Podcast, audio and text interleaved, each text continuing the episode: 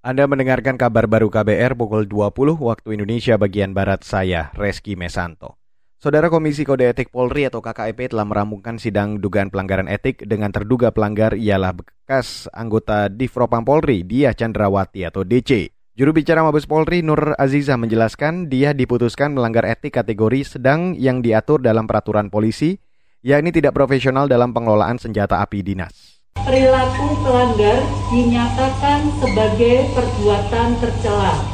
Dua, permohonan maaf secara lisan dan tertulis di depan Komisi Kode Etik Polri atau KKEP.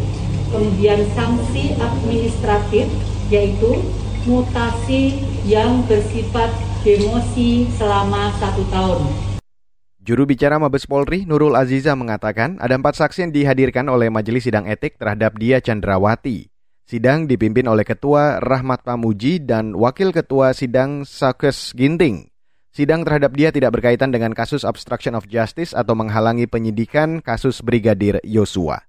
Beralih ke berita selanjutnya, Saudara. DPR dan pemerintah menyepakati harga minyak mentah Indonesia atau ICP pada 2023 berada di angka 95 dolar Amerika per barel.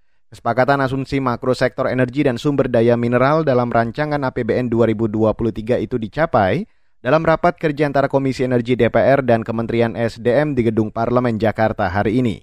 Mengutip antara news.com, selain ICP, DPR dan pemerintah menyepakati lifting atau produksi minyak bumi sebanyak 660 ribu barrel per hari, lifting gas bumi sebanyak 1,1 juta barrel serta minyak per hari atau BOEPD dan cost recovery senilai 8,5 miliar dolar Amerika.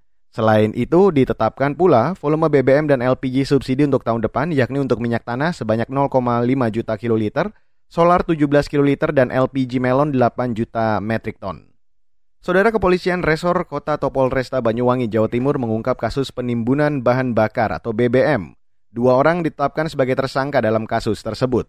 Kasat Reskrim Polresta Banyuwangi, Agus Sobarna Praja mengatakan, tersangka adalah AH berprofesi sebagai guru warga desa Licin Banyuwangi, sedangkan yang kedua berinisial NS warga desa Sarongan Banyuwangi. Dua kasus ini kategorinya adalah untuk jenis pertalit dan jenis solar. Jadi modusnya adalah para terduga pelaku ini melakukan pembelian di SPBU dengan menggunakan kendaraan yang sudah dimodifikasi. Jadi ini membeli Vertalit dalam jumlah besar dengan menggunakan alat angkut yang tidak pada tempatnya ya artinya bukan yang sesuai dengan peruntukannya. Kemudian lebih lanjut BBM ini diperjualbelikan tanpa izin. Kasat Reskrim Polresta Banyuwangi, Agus Sobarna Praja menambahkan, dari tangan para tersangka polisi berhasil menyita kurang lebih 500 liter bahan bakar jenis Pertalite dan solar. Polisi juga menyita dua mobil modifikasi yang digunakan pelaku dalam menjalankan aksinya. Atas perbuatannya, para tersangka dijerat Undang-Undang tentang Minyak dan Gas Bumi dengan ancaman hukuman 6 tahun penjara. Dan saudara, demikian kabar baru saya Reski Mesanto.